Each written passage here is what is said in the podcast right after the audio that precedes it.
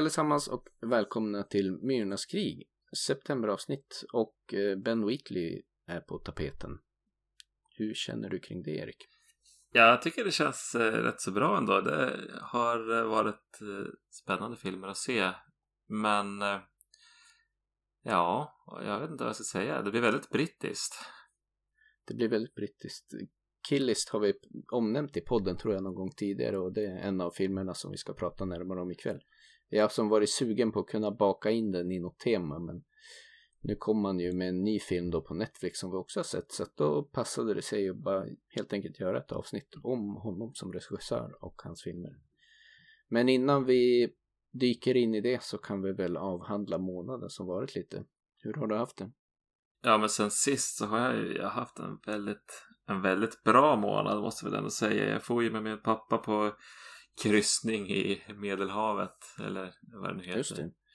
Eh, jag lyssnade på en massa bluesmusik i värmen och eh, bara le, levde det goda livet. Det var min 40-årspresent jag fick. Mm. Så det var bra. Vi hade en bra vecka tillsammans. Sen har jag ju, eh, vad heter det? Jag var lite trött idag för jag jag, jag skulle i, tidigare i somras, tidigt på sommaren så upptäckte jag att det var en novelltävling som anordnades av eh, Kulturhuset Sara i Skellefteå. Visst är det så det heter? Just det, du nämnde något om det här förra podden tror jag. Ja men precis. Att, eh, ja men det var The Shadow over Kär, Kärdalen hette den eh, novelltävlingen. Och då skulle man ta kombinera teman från Sara Lidmans författarskap med eh, H.P. Lovecrafts författarskap. Och då kände jag ju som direkt att det här måste jag ju komma med ett bidrag till. Och skriva en novell förstås. Och eh, jag skrev ju som upp alla eh, liksom detaljer, deadline och sånt där. Hur mycket, många ord det ska vara. Och så vidare. Och jag tänkte inte så mycket mer på det. Jag tänkte, ja men det är ju den 15 september. Så nu så satte jag mig igår och skulle kolla, börja skriva på det. Och insåg att det var inte den 15 september, det var 15 000 tecken. Och deadline var den 9 september, vilket var igår. Så jag brute-forceade en eh, novell på fyra och en halv sida igår. Eh, jag, jag, jag lämnade inte in den den nionde nionde dygnet men jag skickade mejlet klockan tre i natt till tävlingen och håller väl tummarna nu att den ändå tas upp av juryn och eh, får vara med i tävlan. Ingen tid att korrekturläsa något alltså. Nej, det var, Det- jag var lite för trött.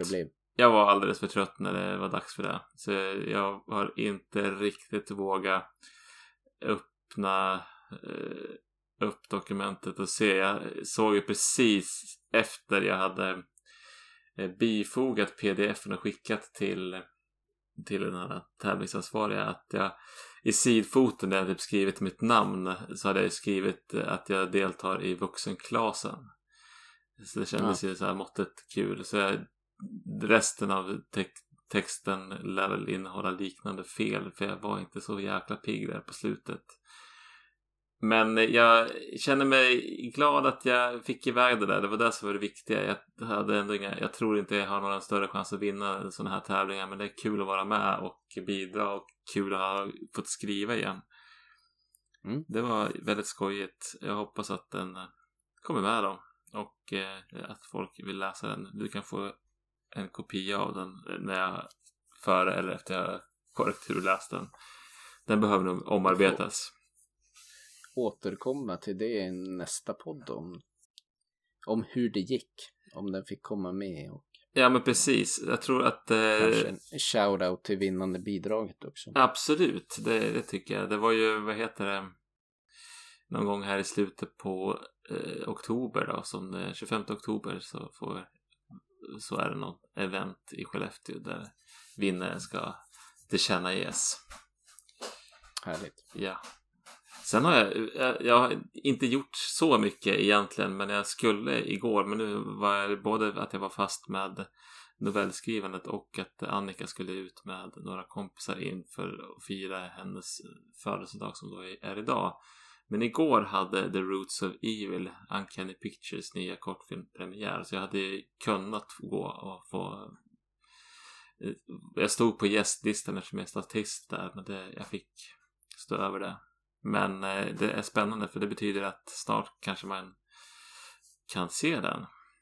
På riktigt. Jag tänkte säga det låter som en till grej vi får återkomma till då i Ja, för, efterföljande podd om det blir nästa månad eller senare. Men det måste vi absolut eh, ha en liten mini-review på. Och framförallt eh, analysera skådespelarinsatsen hos vissa av statisterna då.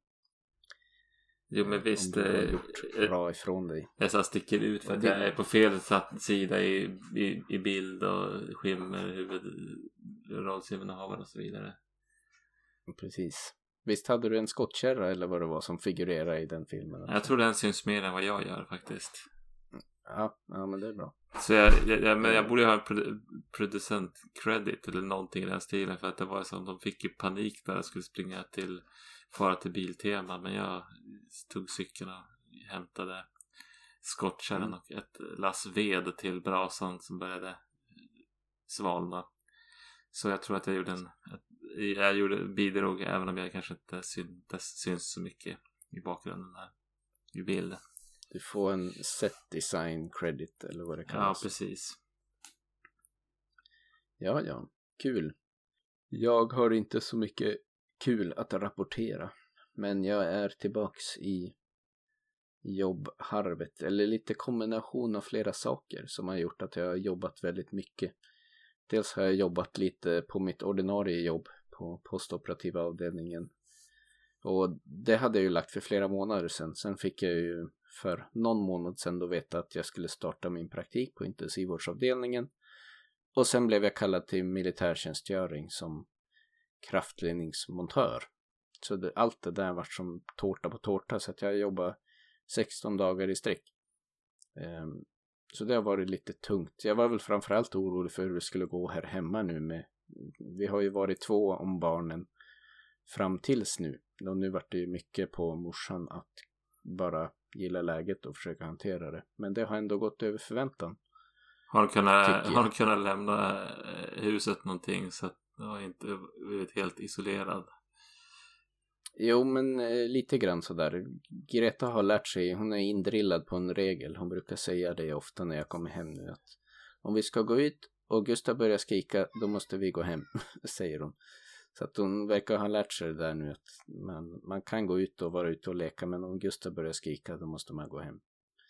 Eh, Så hon, eh, ja men det, jag tror att det har funkat ganska bra. Sen har de hållit på med mycket hemma också men de samlar in massa kottar och grejer och håller på att måla och pyssla och eh, grejer på.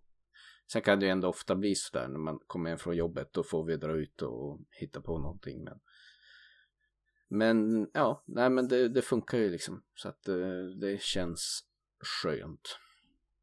Sen nu i helgen har det ju varit ledig då. Eh, idag varit och tittat på Bamse-spelning Mm.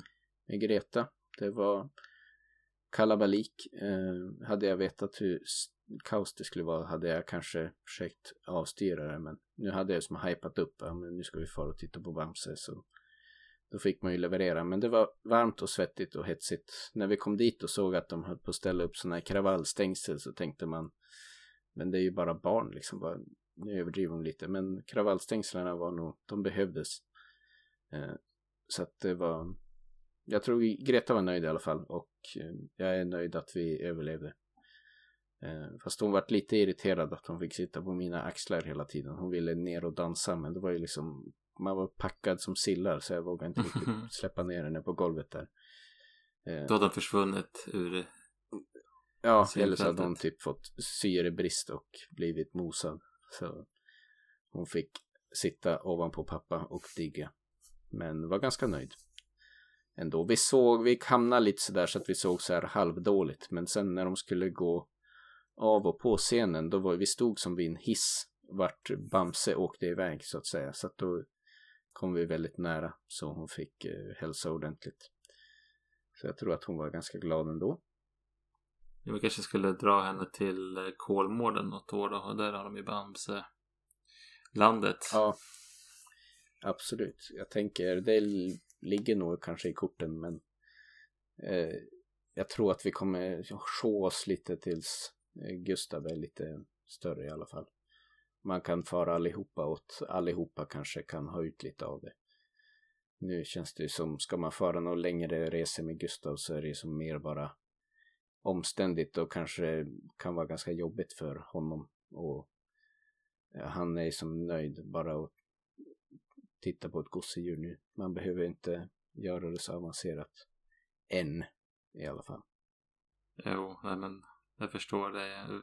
Är inte så jäkla lätt att resa med en bebis. Vi har haft tur att det har gått bra att åka nattåg med Irma. Mm. Och det går fortfarande går bra att åka nattåg. Ja, de resor vi har gjort har ju faktiskt, får man ändå säga, varit över förväntan. Vi har ju varit upp till Glommersträsk som ändå är en bit att köra och hälsa på morfar och sådär. Och det har ju gått bra. Sen arguably kanske inte, det känns som så liten som Gustav är nu så är det lite skitsamma. Um, för hans räkning. Eh, sen är det ju roligt för morfar att få träffa sitt barnbarn naturligtvis. Men jag tror att eh, Gustav skiter i vilket liksom. Men eh, däremot Greta är ju så här, hon vill ju väldigt gärna dit nu. Hon är framförallt inne på att hon vill träffa korna som finns där uppe och hon vill åka skoter. Så vi har sagt att när, när snön kommer då ska vi fara upp till morfar igen så vi kan åka lite skoter och sådär. Eh, så det blir väl så långt vi tar oss i år i alla fall. Så får man se om man kan planera någon längre resa nästa år. Ska jag ska få lite, se lite annat av den här jävla hålan. Ja. Ja, det ska inte... Sen har ju som sommaren gjort lite revansch nu. Det var som gick mot kallare tider och så plötsligt nu i helgen blev det ganska sen sommarvärme igen. Ja, det var ju helt sjukt. Jag var ute med, men jag har varvat med Irma, Irma eh, lite grann i slutet på veckan när hon fick hosta. Och i fredag mm. så var vi som ute och i lekparken. Hon hade shorts och t-shirt och höll på att svettas ihjäl ändå liksom. Mm. Det var, nej men det, jag blev jäkligt förvånad när hon ville ha det och sa bara nej men det går inte och sen så gick jag ut och kände på vädret bara du måste nog ha det. Mm. För det var varmt. Ja, det var det riktigt varmt. Det, det är väl kul. Eh, sen tror jag ändå Greta är taggad på vinter men en bit kvar dit. Vi ska ta oss igenom en höst först. Jo, det är ju snön som lockar tror jag. Så det, vi mm. ska, mm. Irma börjat prata om sin pulka och jag var tvungen att meddela att den finns inte mer utan vi måste skaffa en ny för den gick sönder. Men men det, det, det är sådana ganska trevliga saker att pyssla med när det väl är dags. Har du hunnit se, har du hunnit se någonting annat än eh, kvällens tre filmer? Um, jag tror inte det. Jag måste plocka fram min fusklapp här och se om det kan vara så men Nej, det tror jag banne inte. Svaret nej. Okej. Okay. Jag har nog inte, jag har inte, det, den, den, de filmer jag har sett det var när jag var på den här militärtjänstgöringen då. Då hade man ju lite lediga kvällar och då också barnfria kvällar.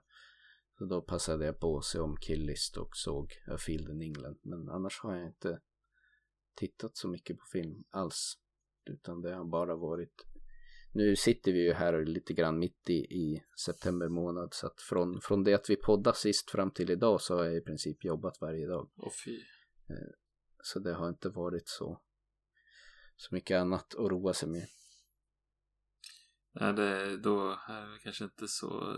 Vi får vara glada att att eh, att du kan komma till och prata om de filmerna vi har och kunna se de filmerna vi har förutsatt oss att prata om idag. Ja. Jag har haft det lite, Själv... jag, men, jo, jag, jag har haft det lite bättre. Jag, eh, inte så fruktansvärt mycket film har det blivit, inte så mycket skräck i varje fall, men jag, jag var, jag såg ju gjorde ju min läxa i förra podden snackade ju om Alone som var en amerikansk remake av en svensk film som heter Försvunnen. Och jag mm. såg den svenska den svenska förlagan då.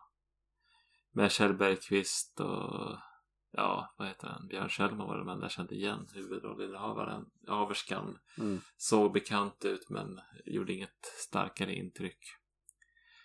Och jag måste väl säga att det kanske är för att jag såg Alone först men den tycker jag var stråt vassare ändå. Jag tycker Försvunnen var okej okay och hyfsat spännande men det var vissa eh, berättarmässiga saker som de krånglade till det som eh, segade ner historien och gjorde den lite mer orimlig än den remaken var. Så jag måste säga att det var en lyckad remake. På en okej okay svensk thriller-skräckis. Ja, vi kanske har ett framtida tema där att ruva på. Det skulle vara kul om man kunde hitta någon till kombination att dra in i avsnittet. Låt den rätte komma in känns ju som det uppenbara valet men samtidigt lite tråkigt kanske. Men Man kan ta det kanske finns någon annan. Jungfrukällan och The Last House on the Left kanske. De skulle vara ha något sånt släktskap. Ja, varför inte? Men men, sen, sen var jag fick, jag hade ju jag, jag hade någon dag här när jag liksom hade en kväll jag inte hade så mycket för mig. Då lyckades jag bli jäkligt sugen på att se det våras för Frank Frankenstein eller Young Frankenstein.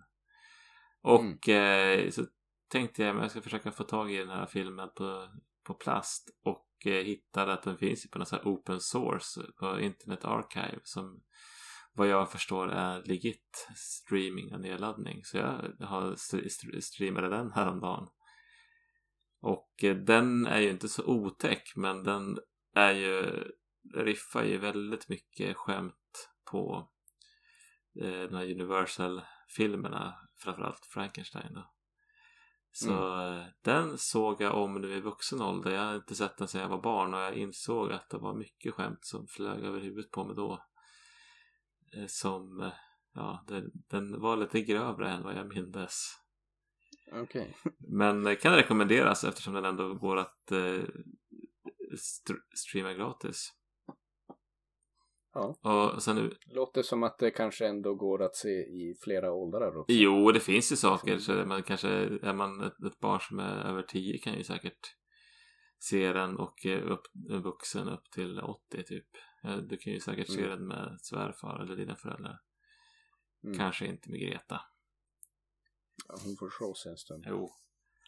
Och så... Men annars tycker jag även man märker med mycket sådana här riktiga barngrejer man ser för som Greta tittar på. Att det finns, det är ofta inbakat liksom saker som eh, går barnen över huvudet men lite föräldrahumor där. Det känns som nyckeln kring ett bra barnprogram. Ja men det är så som, eh, ja, men jag såg, du kanske är lite för ung för att ha upplevt Sunes jul när det sändes på tv. Men det var ju kul på ett sätt när jag var barn och sen så när jag ser det som vuxen så är det ju som, ja men det är ju mest nostalgi förstås men det är ju också väldigt mycket vuxenskämt i den där som jag aldrig såg som barn. Nej. Nåja.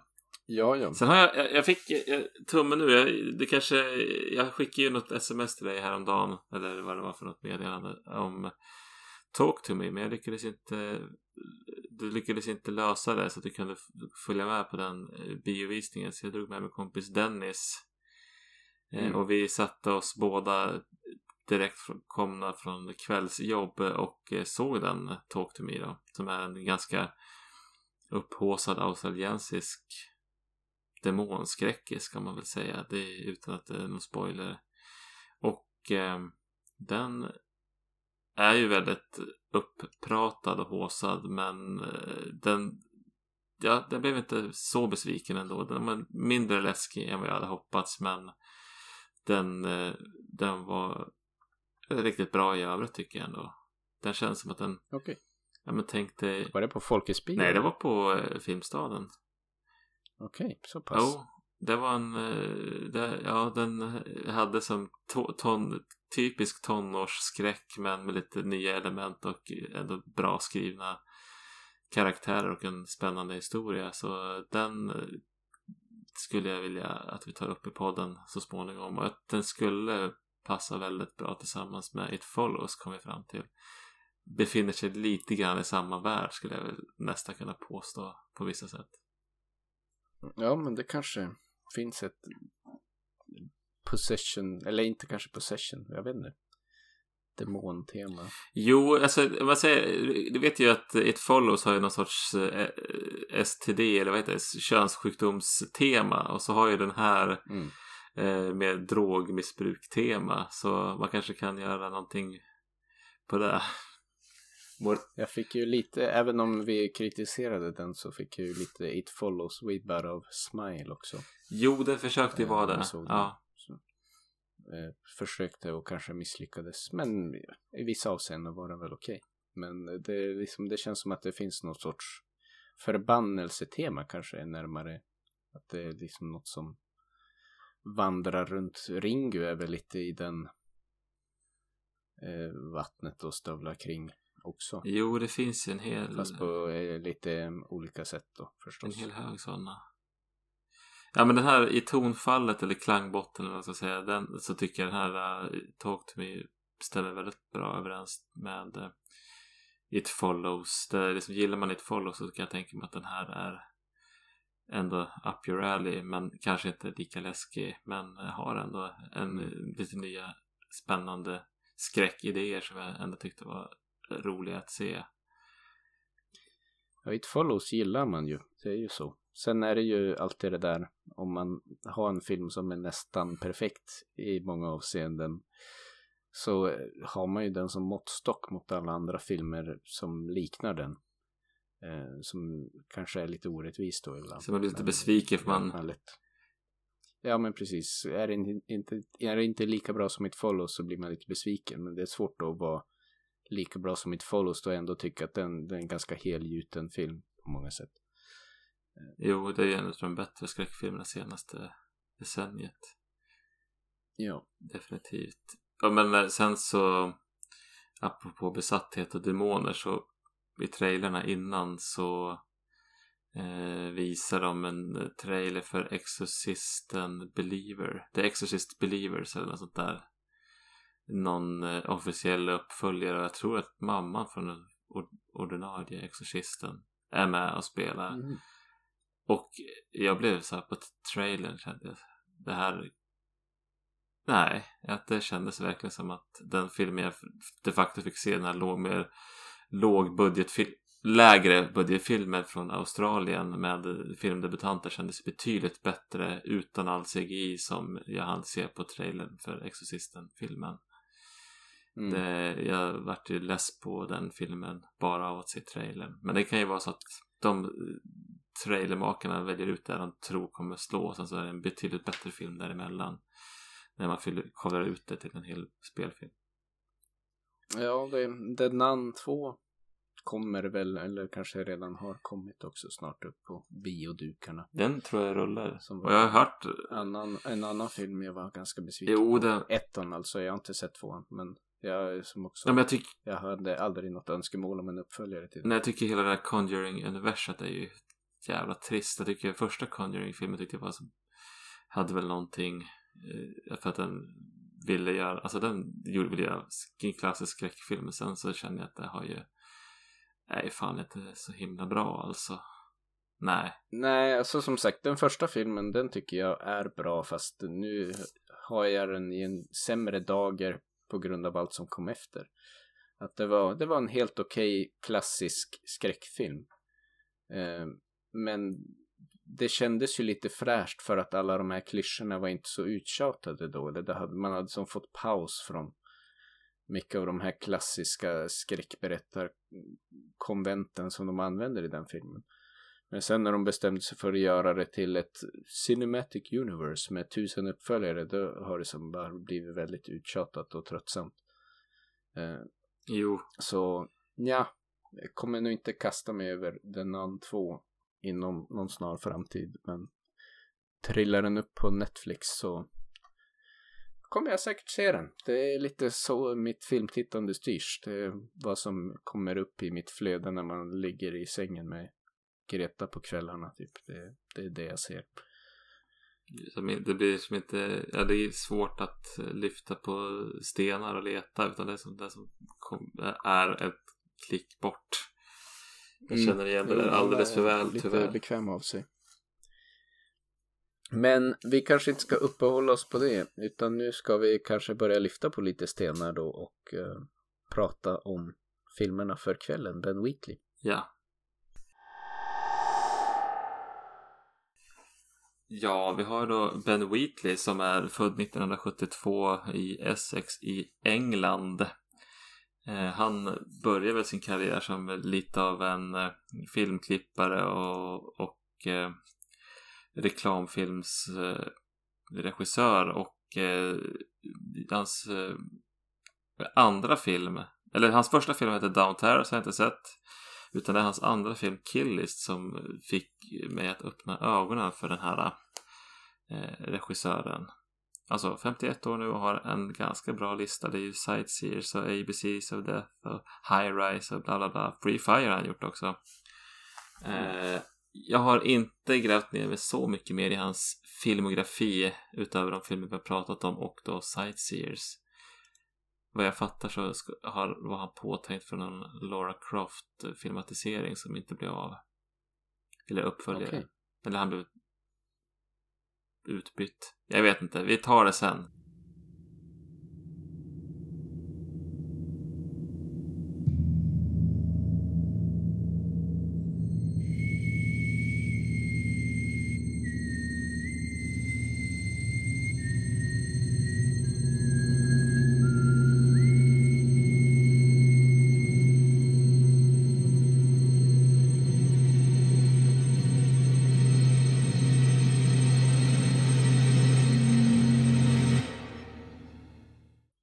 men ska vi ta och prata lite om eh, Killist då? Den är som sagt eh, skriven och eh, regisserad av Ben Wheatley och kom ut 2011 och vi följer där nu glömde jag namnet på den karaktären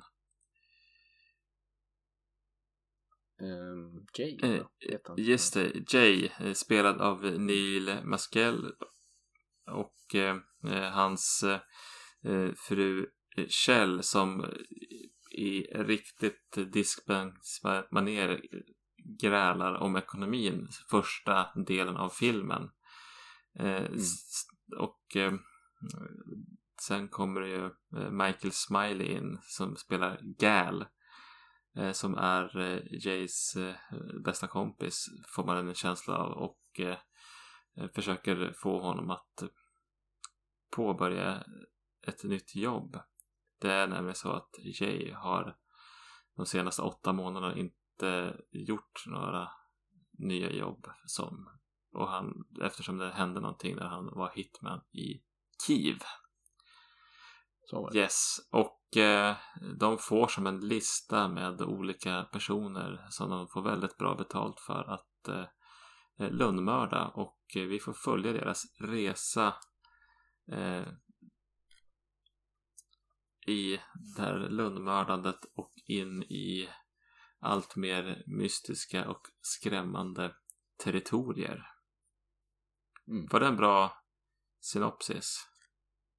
Ja, det är, man kanske inte förstår fullt ut men det gör man knappt när man har sett klart filmen jag säga. Det är mycket, mycket, ja, den är ganska svår smält film tyckte jag i alla fall första gången jag hade sett den. Men jag tror att det, det får duga som en synopsis. Så får vi gå in lite mer på detaljerna i våran S-bar. Yes, jag, jag tänk, nu är du helt oförberedd på det här men jag fick en idé nu har du ju skrivit en S-bar så kan ju du dra din S-bar så kompletterar jag med min. Och S-bar då, det är ju vår struktur för hur vi pratar om filmerna för er som inte har varit med tidigare. S är alltså, eftersom vi är en skräckfilmspodd, det är skräck och spänning. B är berättarteknik, skådespeleri, manus och så vidare. Eh, A är det audiovisuella och R är ju våran samlade recension eller rekommendation. Är det här någonting som vi tycker om efter allt nitpickande du har hört tidigare? Så man ändå får en känsla av var det bra eller dåligt? För det låter ju alltid sämre på SBA när vi pratar om film, tycker jag i varje fall. Eh. Men har du lust att börja med en S bara så får vi se vad som händer? Eh, ja, man kan väl om vi börjar med S och skräck och spänningen så det knyter an lite till det audiovisuella men jag tycker något som Ben Wheatley generellt gör bra som är liksom väldigt bra i den här filmen också att det det är ju lite med klipp, hur de väljer att klippa och musiken men det ligger som ett latent obehag över hela filmen hela tiden. Den här filmen har som en ganska långsam start. Vi pratar om diskbänkskräckis men liksom mycket av filmen är ju Jay och hans fru Shells liksom vardagsliv med deras barn och bråk om ekonomi och man känner att det är ett pressat äktenskap och mycket av det här kring deras jobb, tidigare jobb i Kiev, det liksom antyds att någonting har gått snett där. Därför har Jay inte velat göra några nya jobb som eh, lönnmördare, men blir väl så småningom övertygad att ta det här arbetet och som sagt, det tar lång tid innan det riktigt eskalerar, men det är hela tiden eh, gnager i en liksom och är ganska obehagligt. Och sen när det väl faktiskt eskalerar så är det ju eh, fruktansvärt, bitvis fruktansvärt obehagliga scener. Som jag tycker ändå att jag är ganska garvad men eh, jag tror att det, de påverkar mig mer när vi såg den här filmen. För att när vi såg den här filmen första gången hade jag som ingen referensram för vad jag kunde förvänta mig. Och eh, ser man liksom en hardcore exploitation film där folk blir släppta på löpande band då blir man lite desensitiserad kring det. Men här är det en del fruktansvärt obehagliga scener men det är ganska liksom kan man kalla det smakfullt gjort men det, det, det är så glest mellan gångerna så att när det väl händer så tycker jag det är, det är som en riktig jävla käftsmäll och eh, påverkade mig mycket första gången jag såg den här filmen så var det en sån film som jag låg och grunna på ganska länge efteråt för att jag tyckte den var riktigt otäck alltså. Så att eh, ja, så kan man väl säga. Mycket, det, det, är som ett obehag som genomsyrar hela filmen och så är, finns det ett crescendon här och där av fruktansvärt obehagliga scener som eh, ja, gör, gör en jävligt olustig film liksom. Eh, på ett positivt sätt skulle jag säga. Jo, och den, den, den juxtapositionerar ju det här väldigt vardagliga realistiska med det här ultravåldsamma. Det gör det, ja, det blir så jäkla mycket mer effektfullt. Mm. Det, våldet. Plus att vi har ju det här mystiska som händer där som man inte riktigt får svar på. Det är ju lite okulta inslag eller vad man ska säga. Är det rätta ord att använda? Det är som väldigt, det känns som att de är det är liksom de är som bara spelbrickor i något mycket större. Eh, Jay och mm. eh, han Smiley, Gal. Precis, det de jobbet de får med den här listan över folk de ska mörda. Det, det finns inte riktigt någon rim och reson bakom och det är en, en del av det som engagerar en som tittare också, liksom nysta i det här att vad är det, vad är det egentligen det går ut på? Det är något väldigt så här mystiskt sällskap som har eh, anlitat dem för att göra det här jobbet. Men eh, och så antyds det ju genom filmen hela tiden då att Jay har någon mörk hemlighet från, man förstår att han har spårat ur på något sätt på deras tidigare jobb så att man väntar ju hela tiden på att han också ska tappa det liksom, vilket han så småningom också gör. Eh, går från att vara en väldigt professionell lönnmördare till en kanske inte så professionell sådan. Eh, på ett sätt som är väldigt eh, obehagligt.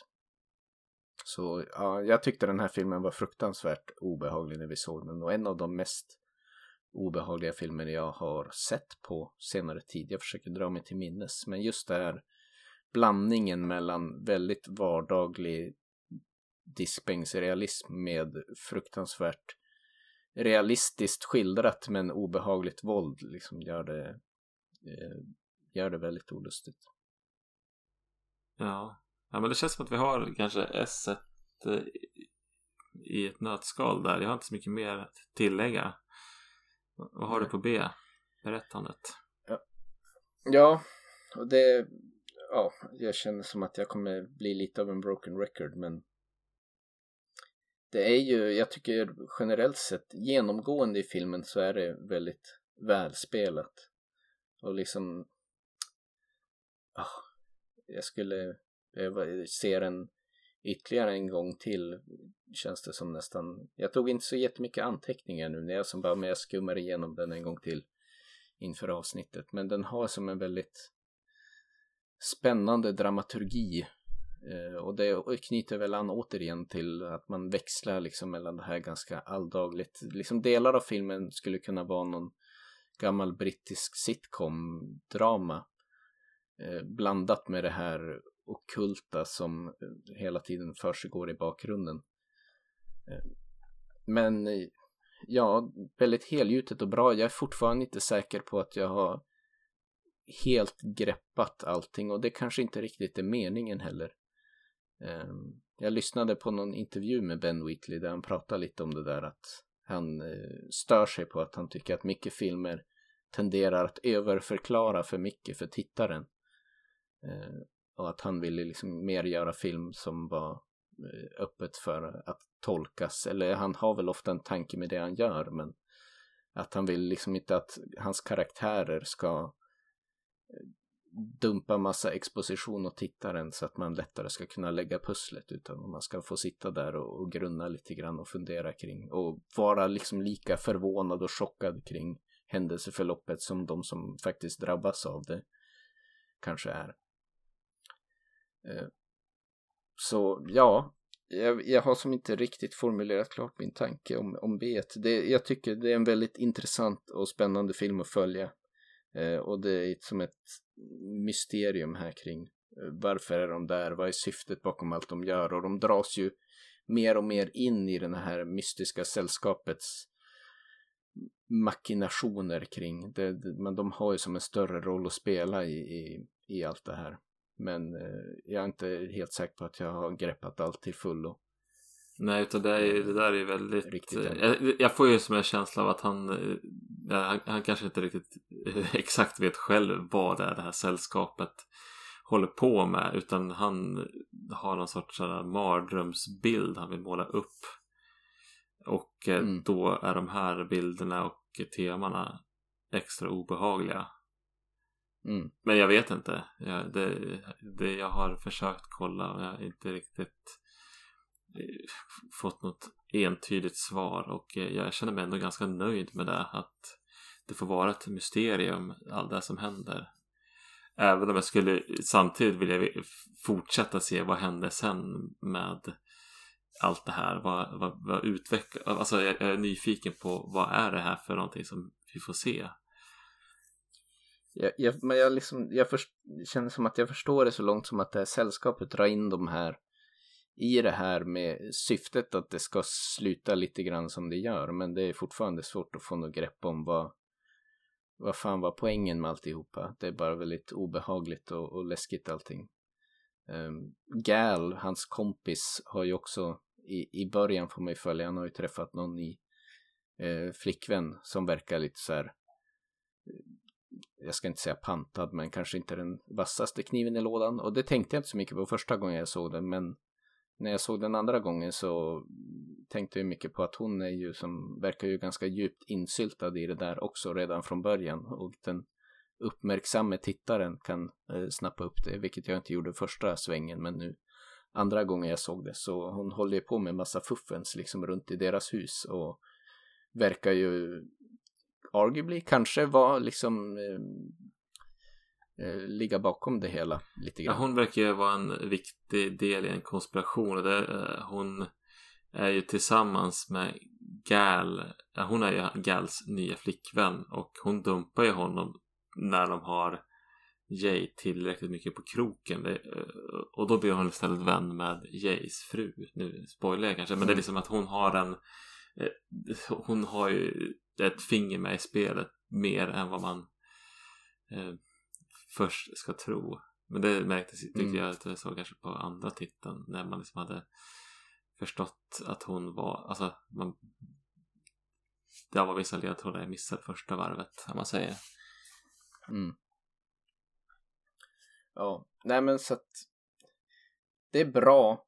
Det är svårt att prata allt för mycket om det i detalj utan att spoila. Vilket jag heller inte vill göra för jag tycker att det här är en, en film som är väl värd att se. Eh, så, så, jag kanske nästan vill personligen sätta punkt för bet där. Om inte du hade något du ville tillägga. Ja men jag tyckte, alltså, det jag tycker, det här kanske angränsar till det audiovisuella men jag tycker inte det. Utan det är så här, jag tycker att man, nej vi tar det på det audiovisuella förresten. En annan sak, det som en sak jag tänkte väldigt mycket på när jag såg den här filmen nu, vilket jag inte, kanske inte har tyckt tidigare, men som får den här filmen att kännas, kännas mer, är ju att jag, även om Gal, alltså Smileys karaktär, inte mm. är, ja, han är ju inte Guds bästa barn. Men han spelar ju på något sätt och har en sorts roll i den här filmen som gör att jag ändå känner så himla mycket för honom. När han är lite miserabel så känns det så, alltså jag, jag tycker så himla synd om honom. Jag känner så mycket, ja, de lyckas med någonting. Att jag, jag Eh, eh, relaterar så jäkla mycket till den karaktären. Och det är sällan jag gör det. Han känns ju mest normal på något vis. Alltså flåd på många sätt men kanske i grund och botten schysst vill jag säga, även om man nu har valt ett yrke som lönnmördare så liksom Jay som huvudrollen är ju lite så här, han har den här fronten av eh, familjefar och myspys men där man hela tiden också anar att det, det liksom finns en djup psykopati bakom det här som gör det svårt att liksom knyta an till honom. Jo, han är obehaglig som... och rikt, våld, våldet ligger som hela tiden och liksom i, det känns som att den är nära till hands. Mm. Så att det blir lite Gal då, eller Michael Smileys karaktär som man, som man hejar på eh, genom filmen tycker jag. Jo. Nej men du, ska vi ta hoppa vidare till A? Det ska vi. Och det är väl ehm, också, det pratar jag om ganska mycket på S men jag tror att eh, en av filmens styrkor och en av Ben Wheatleys styrkor på, som regissör det är liksom det här att på något sätt bygga en stämning med sättet han liksom komponerar scener och kombinerar med ljud och klipper och liksom det känns som att där om man nu ska jämföra han med andra regissörer så där är han riktigt, riktigt vass och eh, så även här. Att eh, liksom till synes ganska vardagliga scener kan han liksom göra riktigt eh, olustiga och obehagliga bara genom sättet han komponerar scenerna och tonsätter dem. Eh. Jo, alltså, man kan ju inte, eh, ljud, alltså både musiken och ljuddesignen är ju otroligt bidragande till obehaget i den här filmen. Mm. Det är ju klockrent. Sen så Eh, det är ju inte världens snyggaste foto men det är ju verkligen meningen att det ska vara så här. Det ser nästan lite grått och alldagligt ut och digitalfoto. Det, man får ju verkligen som tv realismkänsla över det. Att det, mm. det blir som som sagt det, det bidrar ju till det här som liksom sen tenderar till att bli skräck blir som extra starkt om man säger. Ja. Nej, som sagt, det här är en film som har stannat med mig. Det var väl, var det inte när vi bodde i Lycksele tillsammans för många herrans år sedan som vi såg den här första gången här för mig. Jo, jag tror jag hade den då. Vi... Det var en sån där film som verkligen blev en käftsmäll för mig där man och, just, och det har mycket med liksom det audiovisuella att göra. Att det kändes som att jag satt och kollade på någon gammal brittisk drama sitcom och så plötsligt kommer liksom det här tempoändringen och blir, gör det så otroligt, otroligt obehagligt så att det är en, en sån film som stannar med mig eh, länge sedan dess och som jag nog skulle kunna drista mig till att eh, ranka ganska högt på en eventuellt framtida topplista om vi gör någon sån genomgång igen. Eh, så det, men eh, och mycket av styrkan tycker jag ligger ändå i A1 och det, det är väl där jag tycker Ben Wheatley sticker ut i, i jämförelse med många andra regissörer. Att han har en egen touch som känns väldigt Ben Wheatley-esk. Eh, jag hade inte så mycket koll på honom som regissör innan det här men eh, och när man har sett filmer sen så kan man känna lite grann att ja, det här det här känns lite Ben Wheatley-esk eller Ben Wheatley-inspirerat. Alltså vilka filmer tänker du på då? Du får inte sätta mig på kanten så. Nej men jag förstår. Men det är, eh, ja, jag ska inte förstöra stämningen här. Nej men jag, jag tycker han, han jag, eller så tillhör han en, en, en, en, strömning men jag tycker att det är kul för att det känns som att han är en sån som vi kanske kommer till det här senare avsnittet att han gillar att experimentera med bild han kan tänka bild och han verkar liksom kunna visuella effekter väldigt bra att han eh, det blir eh, han är också säkert så pass ekonomisk i sin filmproduktion att han får göra lite som man vill och han vet hur han ska göra för att få som man vill med för en billig peng. Så därför blir det rätt så spännande visuellt Mm. och audiovisuellt. Men eh, ja, det låter som att vi måste förflytta oss till r här så vi inte gaggar på hela jävla natten. Ja, det säger väl sig självt kanske, men jag tycker att det här är en stark rekommendation. Eh, uh, arguably en av de bästa skräckfilmer jag har sett på ja, i modern tid om vi säger så. Uh, jag har väl, vi har väl avhandlat, vi gjorde ju någon topp 10-lista esk um, årtiondes sammanfattning.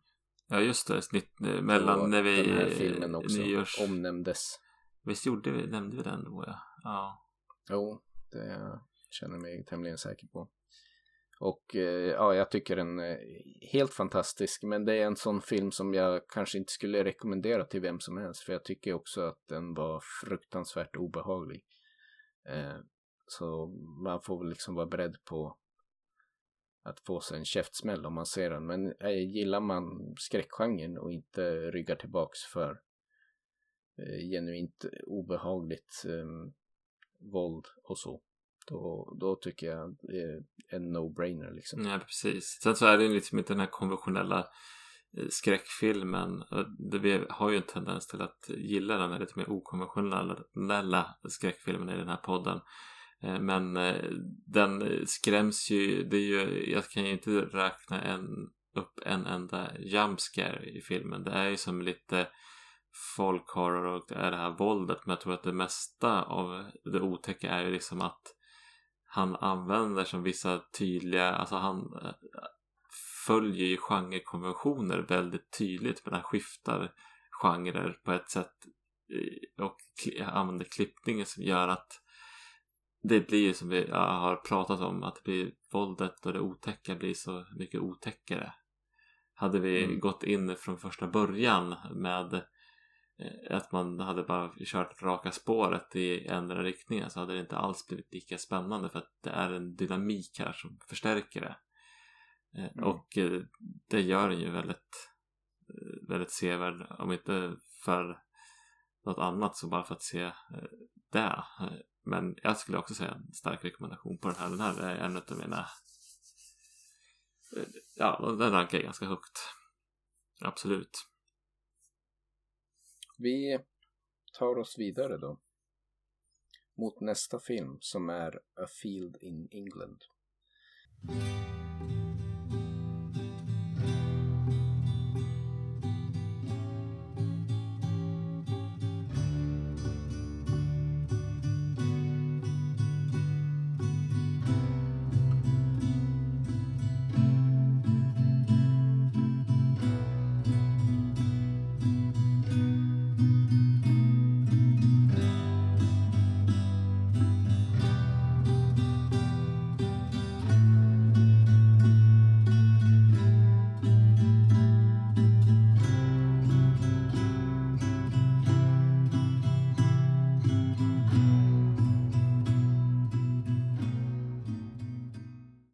Andra filmen för kvällen då, A Field in England från 2013.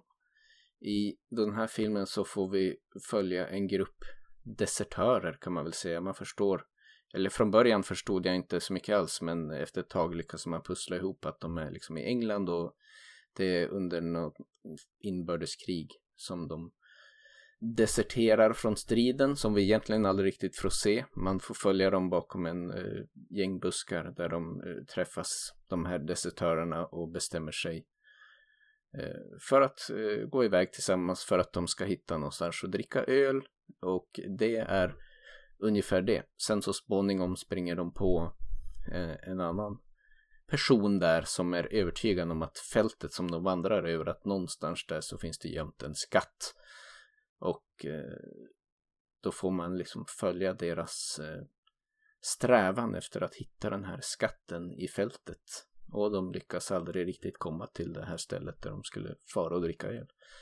Så det, det är väl egentligen handlingen kort och gott. Det är en ganska simpel film och så var väl även tanken jag lyssnade på någon intervju även där när han pratade om filmen och då sa han som att ja, men jag, ville, jag hade en film jag ville göra men vi hade typ inga pengar så att vi hade bara det här eh, gräsåkern vi kunde spela in på. Så, så byggde de lite grann kring det att nu ska vi försöka göra en film som bara ska utspelas på en åker. Och det här var filmen vi fick. Phil in England. Han kokade en soppa på en spik. Eh, ja, men jag, jag tänkte jag börjar väl med S på den här. Det är som, eh, har du ätit eller plockat svamp på sistone? Mm, nej, faktiskt inte, men jag förstår vart du är för, på väg. För det, det är egentligen det som jag ser. Jag, jag, jag blir som inte, det är inte så att man sitter och är, eh, det är ingen nagelbitare sådär, men det är ju som jävligt, ja det är som sin, jagets upplösning som är skräcken här skulle jag vilja påstå. Och eh, det här fiendeskapet som uppstår mellan några av karaktärerna och hotet om ond bråd död. Det är några mm. som dör, det är några kroppsdelar som går sönder. Men eh, det, det, är ju inte någon nervkittlande skräck eh, eller spökerier på det här viset. Så... Det jag tycker du... Ja. Förlåt. Så jag, jag har inte så mycket mer att säga om inte du har några inpass. Nej, men det känns som att rent skräckmässigt så går den här filmen in ännu hårdare i den här lite psykedeliska angeln som kanske finns, man kan skönja delvis i Killist. Här är det väldigt mycket sånt med liksom galen klippning och eh, aggressiva ljud som attackerar sinnena lite grann så att man men eh, ja, det, det, är bra, det funkar liksom mycket av ingredienserna som gjorde Killis bra finns här också men kanske överanvänds i viss mån skulle jag säga om man ska vara lite kritisk Eh, men eh, som du säger det är, inte, det är inte lika mycket skräck direkt så som eh, Killist men mycket av mycket, mycket mer av det här liksom latenta obehaget det är mycket det det bygger på, det här psykedeliska ängeln. I den här filmen så äter de ju bokstavligen psykedeliska svampar och liksom börjar trippa. Och det är mycket kring det som eh, utgör skräcken. Som funkar ibland, ibland lite tröttsamt kan jag tycka. B. Mm. Jo, men det här är ju som en... Eh, jag tycker ju vi har ju Smiley, Michael Smiley dyker upp här och han, jag tycker han är bra som, han kan spela även lite otrevligare personer. Vi har, eh, vi har ju den här fältet vi befinner oss på men ja, om man, det är ju som det är inte så mycket skräck, det är ju som alltid, det är ju väldigt blandat, det är som både så här kostymdrama det är eh, kom, nästan mer komedi än skräck stora delar. Och mm. eh, jag tycker att det är småtrevligt att se det här men det är ju inte så mycket som händer i den här filmen. Egentligen. Nej, de är där på fältet. Och sen är det ju mycket som händer som man liksom inte fattar. Och det var lite knyter an till det han pratade om när jag lyssnade på honom i Killist också. Så tog han upp här som ett exempel att han liksom ville verkligen att det skulle vara så här saker och ting som för en 1700-tals liksom brittisk bonde kanske skulle vara konventionellt vetande men som man själv inte har någon aning om och istället för att förklara det så kör de det bara och så är det som Eh, lämnas ganska okommenterat så som de riktiga 1700-talskaraktärerna kanske skulle ha gjort. Men liksom det är bland annat någon scen där som när de alla håller på och sliter i något rep som jag bara liksom, vad fan håller de på med? Men då finns det ju tydligen i så här brittisk gammal folklore att om, om man fastnar i en svampcirkel så är liksom det enda sättet man kan komma lös det är om man har minst fyra män som försöker slita ut den ur svampcirkeln med ett rep. Det är så de träffar en av de här mer obehagliga karaktärerna som är där och letar skatter. Och liksom när allt det där händer så är man som bara, vad, vad håller de på med? Det är som bara galenskap. Men eh, det är mycket där som man förstår att det finns liksom en historisk anknytning och det i liksom 1700-tals bonde konventionella vetandet är det som mycket mer som kanske är logiskt men där han liksom medvetet ville lämna det okommenterat och oförklarat för att det skulle ja, väl skapa en särskild stämning och för tittaren att man verkligen kastas in i den här verkligheten som de lever i och de ser ingen anledning att förklara för dig som tittare varför de gör som de gör. Eh, mycket som är lite sådär konstigt. Annars tycker jag ju med de små resurser de har så håller de ju ihop det ganska bra. Jag tycker det är liksom välspelat all around. Det, som du säger, det är egentligen väldigt lite som händer i filmen de är där på fil i sitt gräsfält och diskuterar hur de ska hitta skatten ungefär. Men jag, jag, jag i alla fall tyckte ändå att jag höll mig engagerad genom eh, i hela filmen och mycket tack vare eh, de fem skådespelarna som är där och gör ändå ett bra jobb i rent det, det är som bara scener där de sitter och snackar om vad de ska käka för mat lyckas de ändå göra ganska intressanta.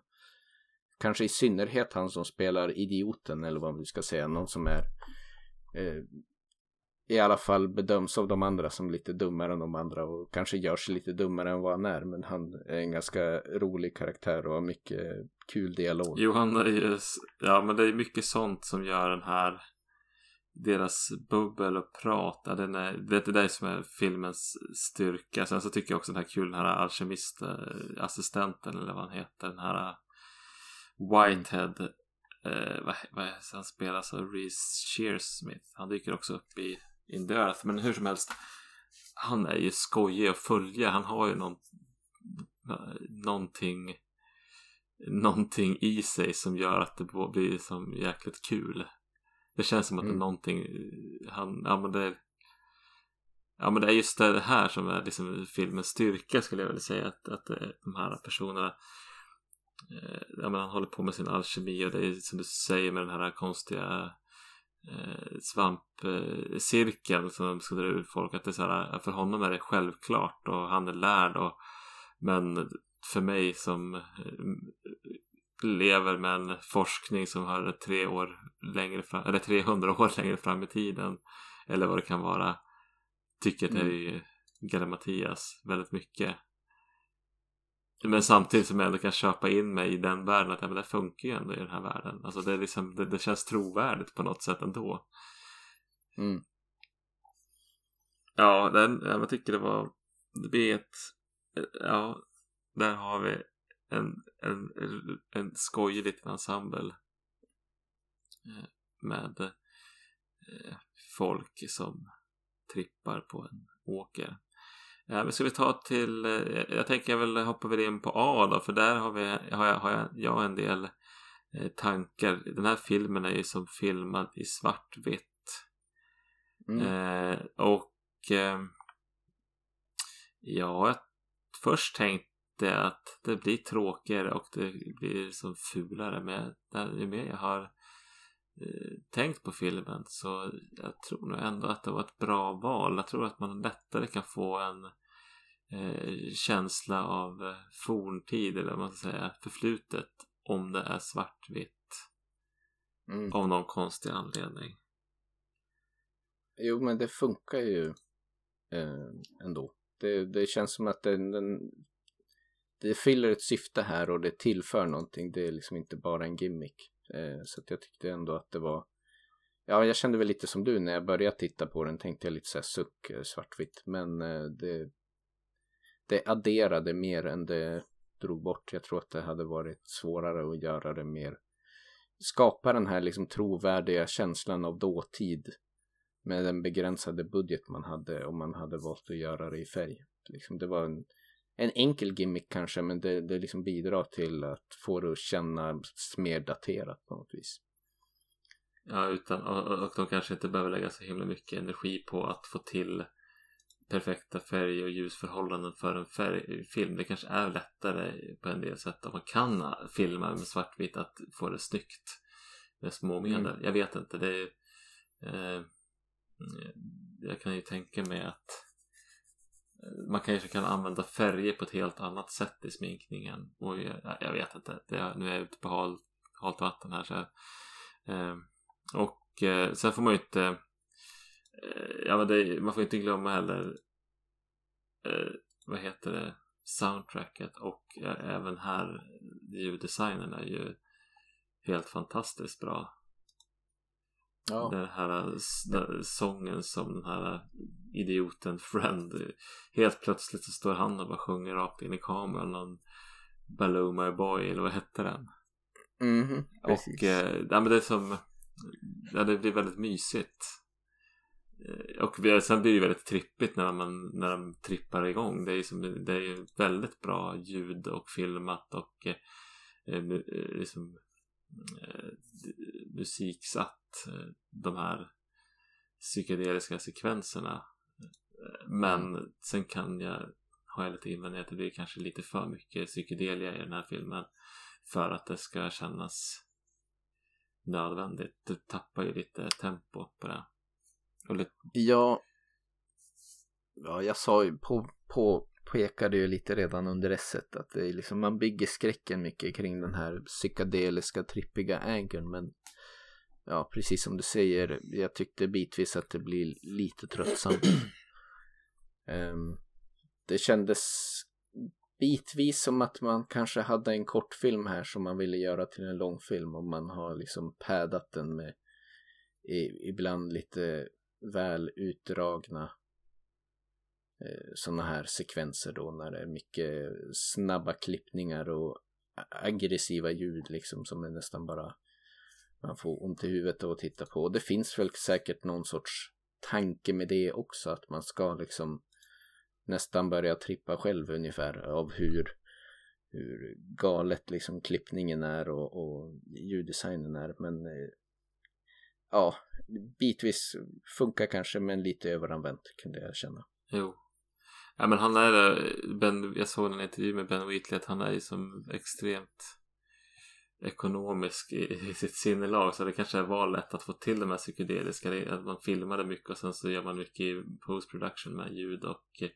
musik. Eh, och någon annan sak som säkert också hör till det audiovisuella men han, han ja men att de är på ett fält, ja men det är ju, då kan man hålla sig på ett fält. Eh, är man inne i ett slott, ja men då då, eller någon på någon gård då, då kommer vi kunna byta kläder. Då måste vi ha mycket mer kläder till skådespelarna. Då blir det mycket dyrare. Att det är så jäkligt mycket ekonomisk mm. sinne. Så, och det är ju som jaha det tänkte inte jag på men konstnärligt blir ju ändå bra för att de är ute på det där fältet och det är ju någon dag de är där. Eller några dagar, jag har mm. ingen, fan ingen aning hur lång tid de är där. Det är ju väldigt tid och rum tid rummet är ganska utsuddat men man får ändå till det. Det känns ändå inte som att de bara står på ett fält, även om de bara står på ett fält. Eh, Absolut. Ja, nu... Ja, vad säger vi kring r här då? Ja, lite mer trevande ja, kanske? lite mer trevande r Jag tycker att jag kommer att kunna återvända till den här, för jag tyckte ändå om en del av karaktären. Jag tyckte det var ganska skojigt. Men eh, ja. det här är en sån här film som nästan kan, ska jag tänka, tänk, tänka mig ha som i bakgrunden och så, så tittar man in i den ibland så där och så kanske man sitter och eh, liksom gör något annat med några, eller typ snackar med några kompisar och äter jordnötter, inte fan vet jag men man kanske inte behöver eh, vara det är inte en film man helt och hållet måste följa till 100% tror jag. Sen så kanske man har mer behållning av det men jag känner att den är som det är inte handlingen som är det viktiga utan det är mer det de här eh, karaktärerna Hantverket. nej, men karaktärerna som pratar och deras roliga eh, liksom tankar och idéer och eh, ja, men det här musiken och liksom sådana sådana grejer som är mm. rätt så trevligt Men som skräckfilm sett så skulle jag ju säga att det här inte är så himla skräckigt ändå. Nej, jag skulle nog ändå rekommendera den här filmen. Men med liksom några kaviat. Dels det här att det, det, det är en skräckfilm-ish men inte så mycket. Mer av en någon sorts psykedelisk thriller. Hejsan hoppsan. Det är ganska svårt att kategorisera. Men jag tyckte det ändå var en intressant film. Och den höll mig liksom ändå engagerad igenom. Även om jag blev lite irriterad bitvis på överanvändandet av vissa klippningstricks. Om vi säger så. Men eh, på det stora hela tyckte jag ändå att det var en bra film. Och den är ju inte så lång liksom. Så, och den kanske passar fler på sätt och vis. Det, då den heller inte har de här inslagen av ultravåld som förekommer i Killist. Så för mig är det nog ändå en rekommendation och liksom särskilt när jag hade lyssnat lite på hur han tänker kring film efteråt så kändes det som att jag skulle nästan vilja se mer av det här, alltså historisk film utan för mycket exposition där man lite så här kastar sig in i deras verklighet.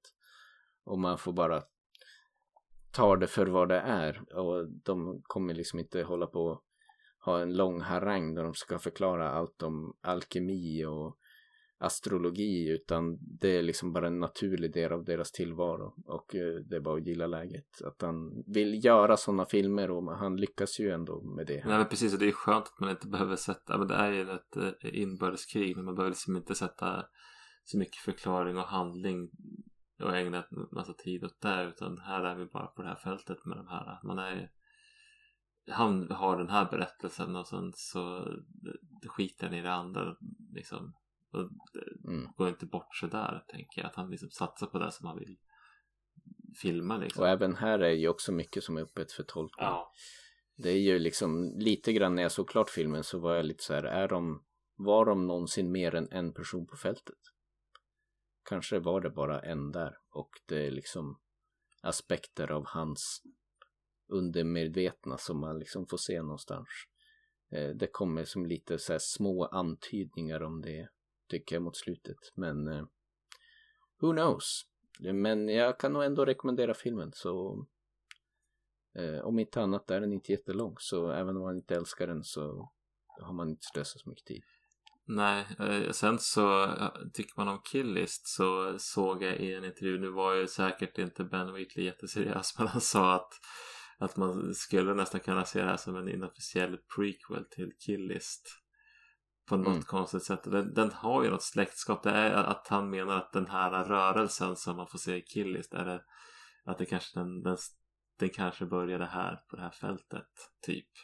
Mm. Mm. Eh, utan att man särskilt, det är inga sådana audiovisuella, alltså det är inte mycket likheter i, eh, man ser ju inte killist eh, grejerna i det här men kanske liksom genom århundraden så det var någonstans det här det började och sen så har de mm. fortsatt med de här ritualerna. Jag vet inte.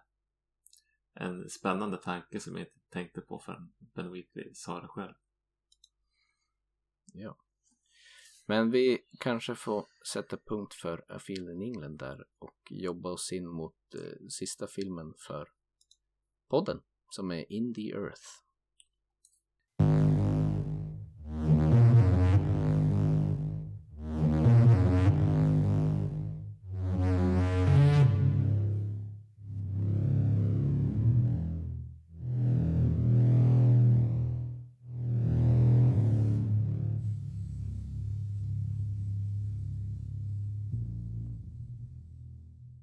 Ja, men In the Earth. Vi har eh, fortsatt eh, Ben Wheatley eh, som regissör och har väl skrivit manuset här.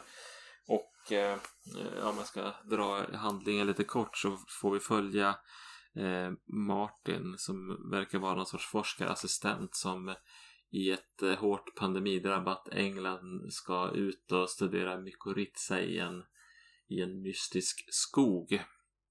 Och till sin, han, han får gå igenom någon sorts karantänbyggnad och när han är klar där så tar han med sig sin, en som en sorts vägvisare eh, Alma som ska ja, göra att han inte går bort sig i skogen för att det, den är notoriskt svår att hitta i.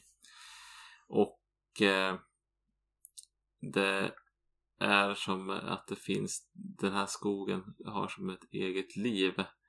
Och Eh, vi får väl som, de råkar ut för patrull och blir överfallna, blir av med skorna precis som i Rituals, den här campingfilmen vi såg.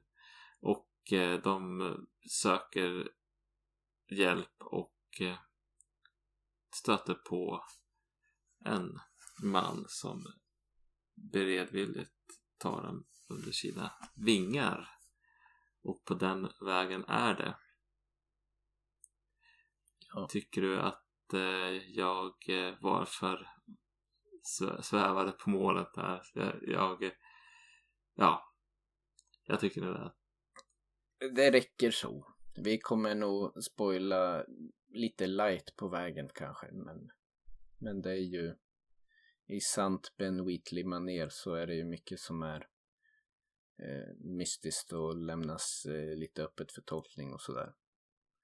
Eh, men vi, vi biter av den bara här för att se vart det landar. Ja, men börjar du med S? Jag har en tanke på S, men säg du ditt så får vi se om du fyller i den tanken.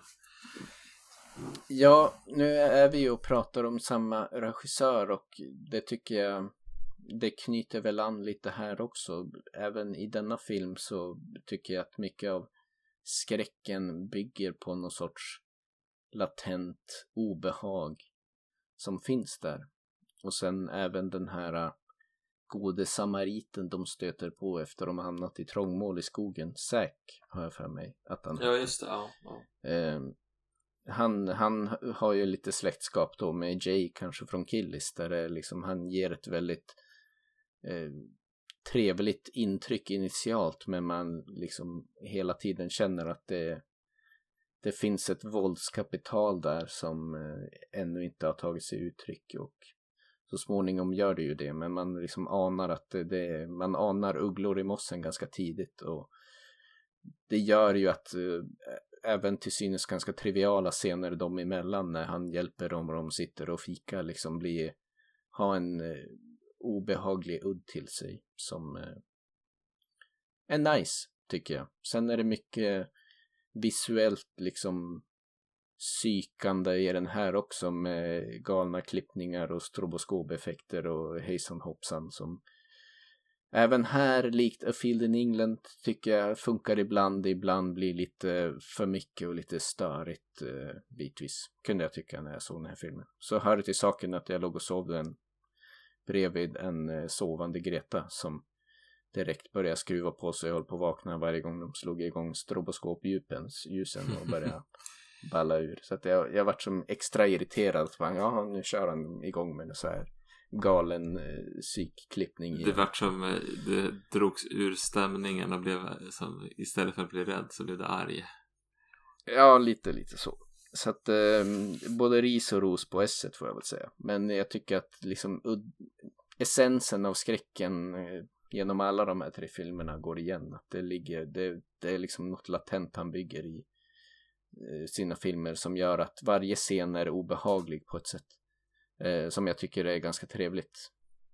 Jo men precis, han, eh, det är ju som, eh, de stöter på folk där och det är som att, eh, alltså egentligen från första rutan till filmen är slut så att det känns som att du kan inte lita på någon här.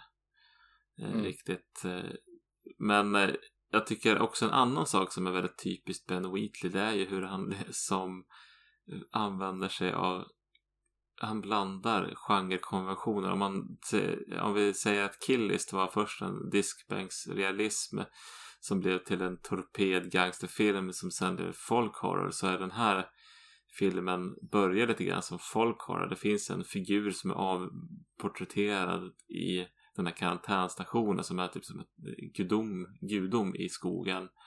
Och man tänker mm. att det är det här de ska sätta på. Sen så kommer man liksom in i eh, survival-skräck alla sin sista färden och eh, med tortyrporr och body horror som är riktigt obehaglig. Stundtals mm. och så landar vi den här liksom, psykedeliska skräcken eh, och sci-fi skräcken i slutet. Att det är som den man hinner som aldrig riktigt så här, eh, liksom landa i att, och bestämma sig för att den här filmen är så här och så här kommer reglerna bli utan då byter som skräcken fokus vilket ja men det är lite samma knep som i Killist även om det här är mm. ja på ett sätt mer brutalt eller det är svårt att säga egentligen. I jämförelse med Killist. Jag tar tillbaka det. Men i samma men, stil. jag, jag köper ändå resonemanget. Det är mycket liksom tempoväxlingar. Eh, och liksom den har tre ganska distinkta akter kan man väl säga. Där det känns som att vi börjar i folkhorrorakten, sen kommer vi in i survival horrorakten och så slutar vi med en, någon sorts psykedelisk sci-fi horror. Eh, och lite liknande där tycker jag även Killist har. Den har som ändå en ganska tydlig indelning på ett sätt. Eh, tyckte jag särskilt när man såg den andra, andra svängen runt. Eh, men eh, där den gör lite tempoväxlingar och hoppar eh, ganska fritt mellan olika genrer. Eh, på ett sätt som är ganska coolt. Eh, dock som sagt hela det psykedeliska craziness angern eh, gjorde mig lite irriterad när jag låg och såg den i sängen. Jo, det är lite ett minus. Man ska ju se det på en stor skärm då tror jag att den vinner på, på det. Då blir inte mm. de lika störande på något vis. Precis. B. Visst är vi där nu? Nu är vi på B. Ja. Vad har du att säga? Eller har vi redan börjat på B för länge sedan? Nej, nej, men vi är väl där och jag tycker väl... jag skulle säga skådespelarmässigt eh, så generellt sett tycker jag i de tidigare filmerna har det varit väldigt starkt allround. Här tyckte jag att det mesta var axelryckning. Alltså huvudrollen som jag tappade namnet på nu, Joel Fry, Martin Low Lowry var lite så här, ja, whatever. Och även hans guide då, eller jägmästare eller vad hon är. Eh, den standout som fanns tycker jag ju var Zack då, eller den här hippie, hippie-snubben. Ja men Reece eh, Shearsmith, han är ju med i Feed in England som är den här alkemistassistenten som han lite grann förföljer mm. mest. Ja, nej men jag tyckte hans karaktär var väldigt intressant och det var liksom en ganska outforskad angle på ett känt konvent. Alltså det blir ju lite survival horror slasher-esk men här har vi liksom en hippie naturälskande supervillain som eh, ja, eh, han var bra tyckte jag. Han, eh, han spelades bra och det var spännande att följa han och som sagt han hade den här lite trevliga hippie-flummiga sidan men lyckades liksom bra med att på något sätt projicera det här våldskapitalet som dolde sig där under så att eh, de scener han var med i de, eh, de tyckte jag var väldigt bra. Eh, men han var nog min enda stora liksom skådespelar-standout för mig i den här filmen.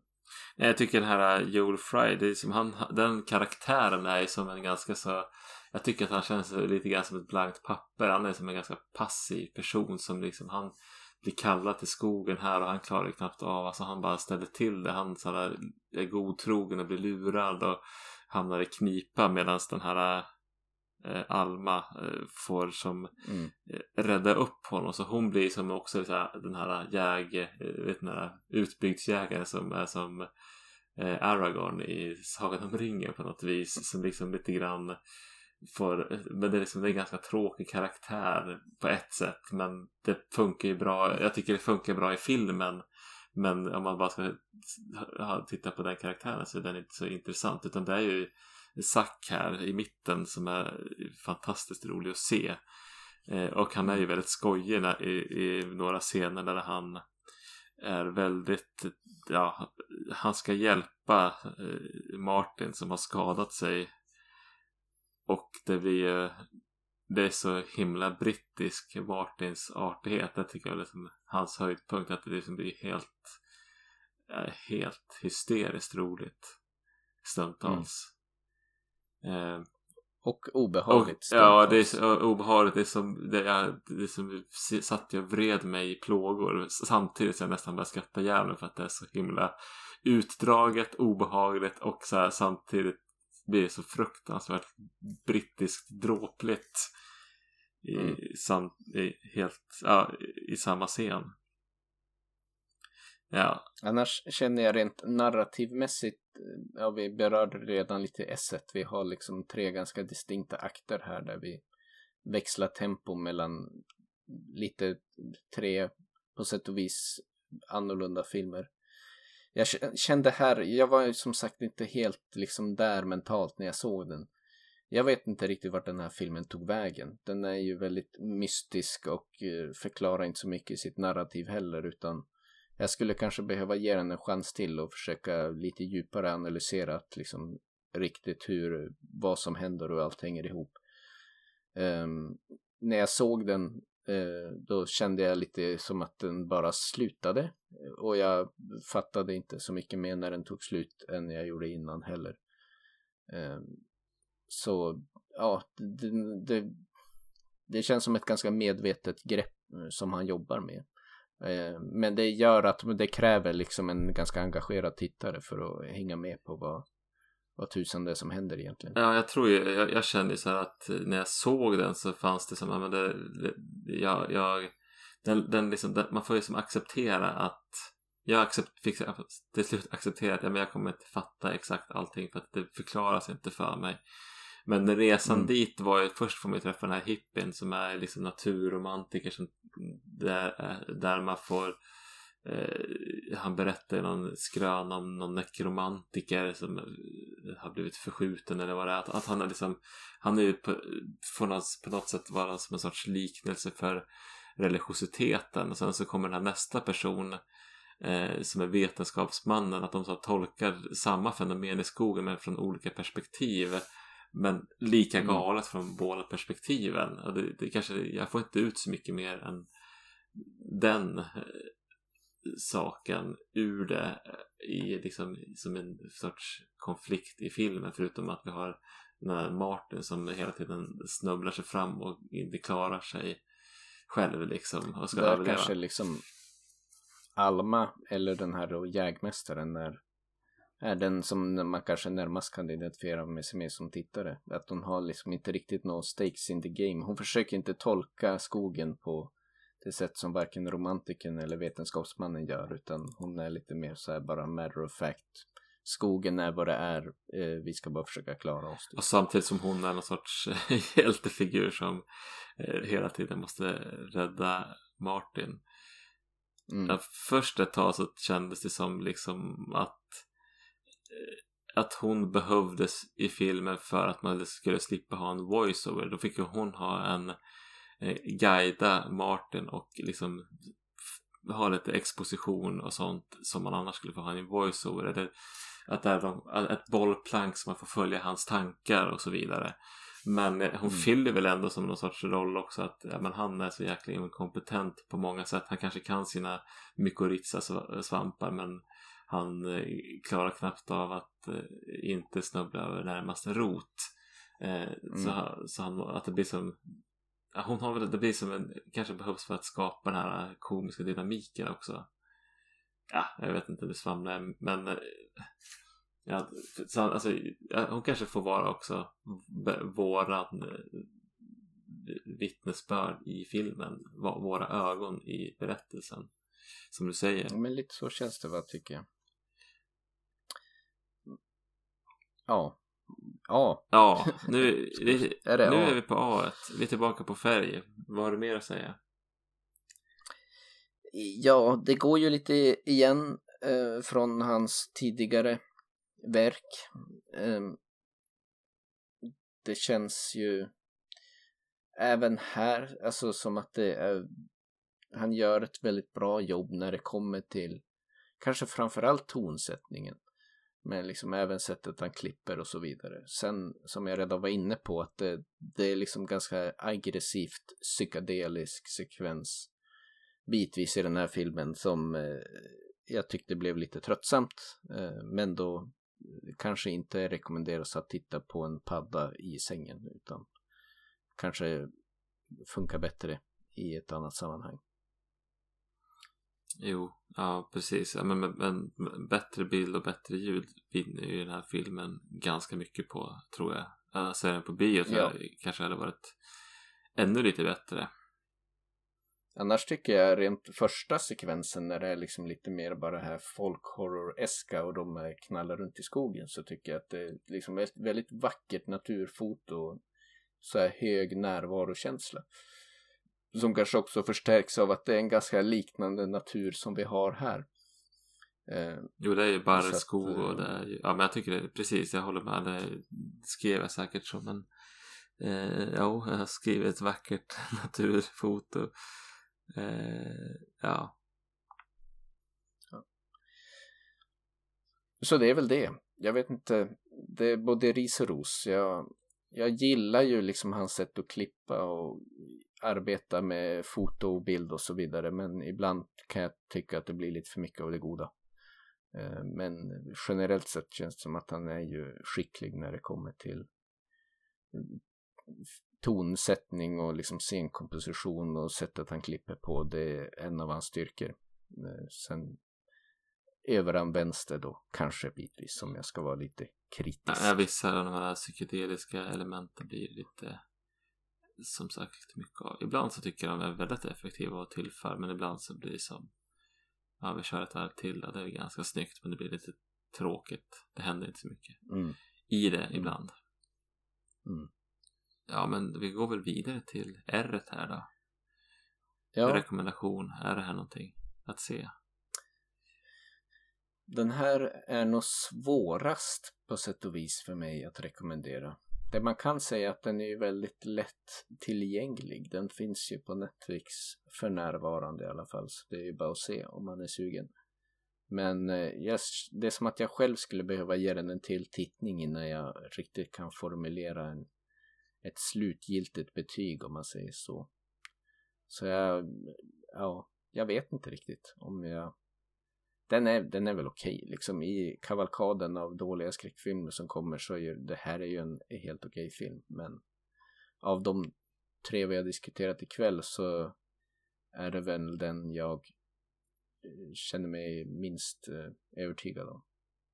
Faktiskt. Jaha.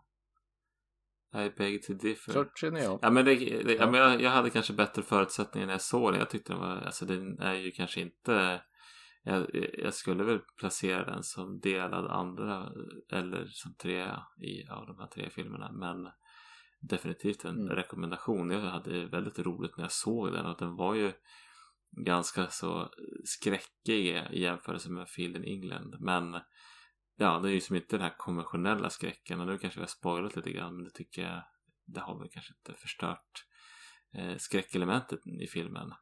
Så den, jag mm. skulle nog säga att jag eh, ändå eh, lägger in en stark rekommendation på den här om man har Netflix i alla fall. Eh, ja men lyssna på Erik tror jag. Jag känner väl så här, alltså min samlade känsla att jag skulle behöva se den här filmen igen. lite mer ostört, lite mer koncentrerat och liksom kunna formulera en bättre uppfattning om den. jag tyckte vissa saker var väldigt bra men när jag låg där i min säng och försökte få dottern att sova så var det som, det vart mycket pauser i den här filmen och ja, det, det vart liksom inte så koncentrerad tittning så jag, jag, skulle kanske behöva ge den en chans till. Så jag får väl ta din rekommendation då och eh, se om ja. den och så får vi se hur jag känner då. Jo men visst. Nej men eh, ja den här filmen, ja men se den. Jag tycker att eh, det, den är också lite grann eh, kul att se postpandemi för att den är en film som där pandemin verkligen gör avtryck även om det kanske inte tillför filmen så mycket. Men mm. den är en film som inte hade funnits utan pandemin. Det var det här jag ville komma till förut. Han skulle ju spela in, regissera, eh, vad heter det nu? Tomb Raider med Alicia, Vik Alicia Vikander. Och mm. eh, hade väl till och med skrivit manus tillsammans med sin fru. Men Eh, när, eh, så vart det ju liksom lite uppskjutet på grund av pandemin inspelningen och rätt vad det var så kopplade de in en annan regissör med ett annat manus och han blev av med filmen. Vilket är lite tråkigt så nu har de väl gjort The Meg 2 istället. Så han, han, han, han är ju liksom, han växlar mellan de här små och stora produktionerna. Men jag tror att han nog gör sig bäst i de lite mindre projekten mm. där han får mer fria tyglar. Jag tror det. Nåväl. Samlade känslan kring Ben Wheatley då? Jo, men jag tycker att han har ju... Killis tycker jag är väl nästan inte så himla mycket humor. Men eh, A Field in England och eh, In the Earth tycker jag är jäkligt roliga på många sätt. Framförallt In the Earth. Mm. Sen mm. så det är en känsla. Sen har han ju en väldigt skojig förmåga att det känns som att han kan verkligen film och genreregler så att han leker väldigt mycket med det och skiftar genre eh, väldigt mm. mycket under en film och vet hur man ska göra det för att få effekt av det.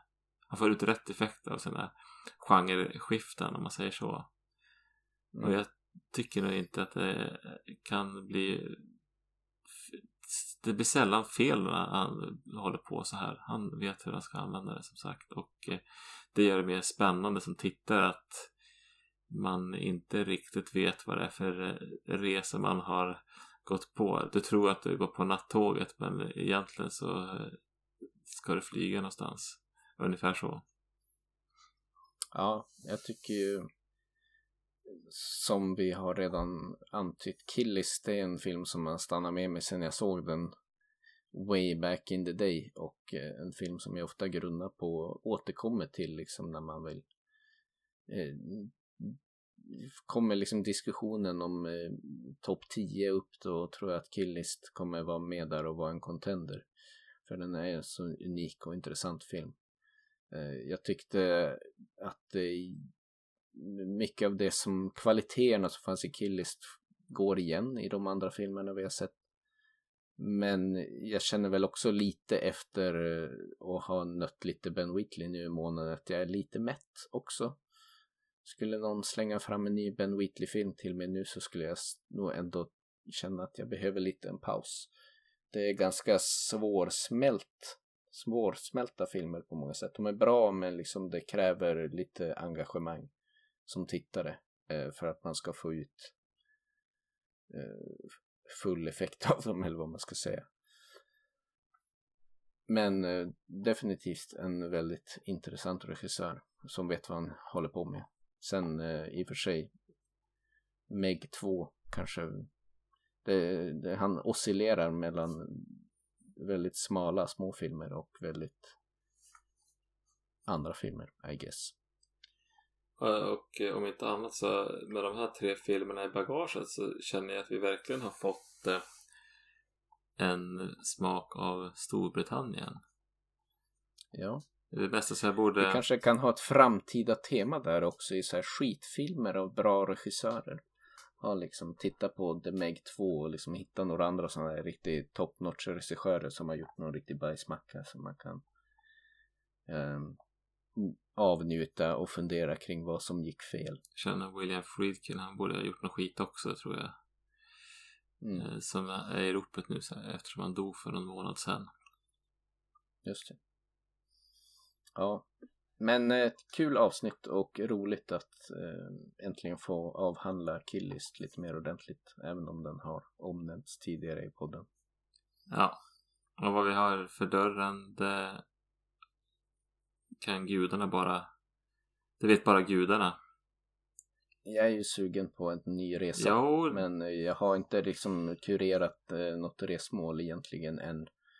Så. Men jag, om, om, inget, om vi inte hittar någon annan skön grej att göra så kanske jag ska börja grunna på något om inte du har något i laddat i hagelbössan. Ja, i slutet på oktober, jag vet inte exakt datum, så är det 30 år sedan Vincent Price dog av lungcancer. Man kanske skulle göra något, se på några sådana filmer och laga lite Vincent Price från hans kokbok han var ju inte bara en legendarisk skräckskådespelare med en leg lika legendarisk röst utan han var också en gourmetkock. Ja, Om man det kanske ska laga mat i podden. Det kanske vore något. Vi får se. Men det känns som att eh, vi har oktober och sen eh, när blir halloween liksom egentligen? Det är väl nästa sett? Är det, avsnitt det borde det blir nästa. Det känns som att man borde ha någon sorts tanke där. Nu har vi betat av. Vi hade ju som givet där några år med halloween-filmerna som kom så lagom till halloween. Men ja, vi får väl se vad vi hittar på helt enkelt. Eh, När du nu Så- säger Halloween så ska jag bara ett, lämna ett litet skivtips innan vi eh, flyter ut i natten. Jag eh, Mm. har eh, följt eh, det norska tidigare black metal-bandet numera mer ett synt elektroaktigt bandet Ulver de senaste skivorna och de har släppte för under pandemin en eh, Halloween-skiva där de har tagit inspiration från John Carpenters original soundtrack och satt sin egen prägel på det. okej. En trevlig skiva. Jag har den på LP. Jag fick sånt himla köpsug när jag hörde den. Men den finns på Spotify. Vi kanske kan fejda ut på den, en av låtarna från den skivan. Det låter som en god, en god avrundning på detta avsnitt. Ja, jag kan ju... Den heter, skivan heter Scary Musak med Z. Mm. Och vi kanske kan ta och eh, säga godnatt med Addi Fledhon. Vi gör så. Så får vi se på återseende och sov gott. Och godnatt. Och godnatt. Och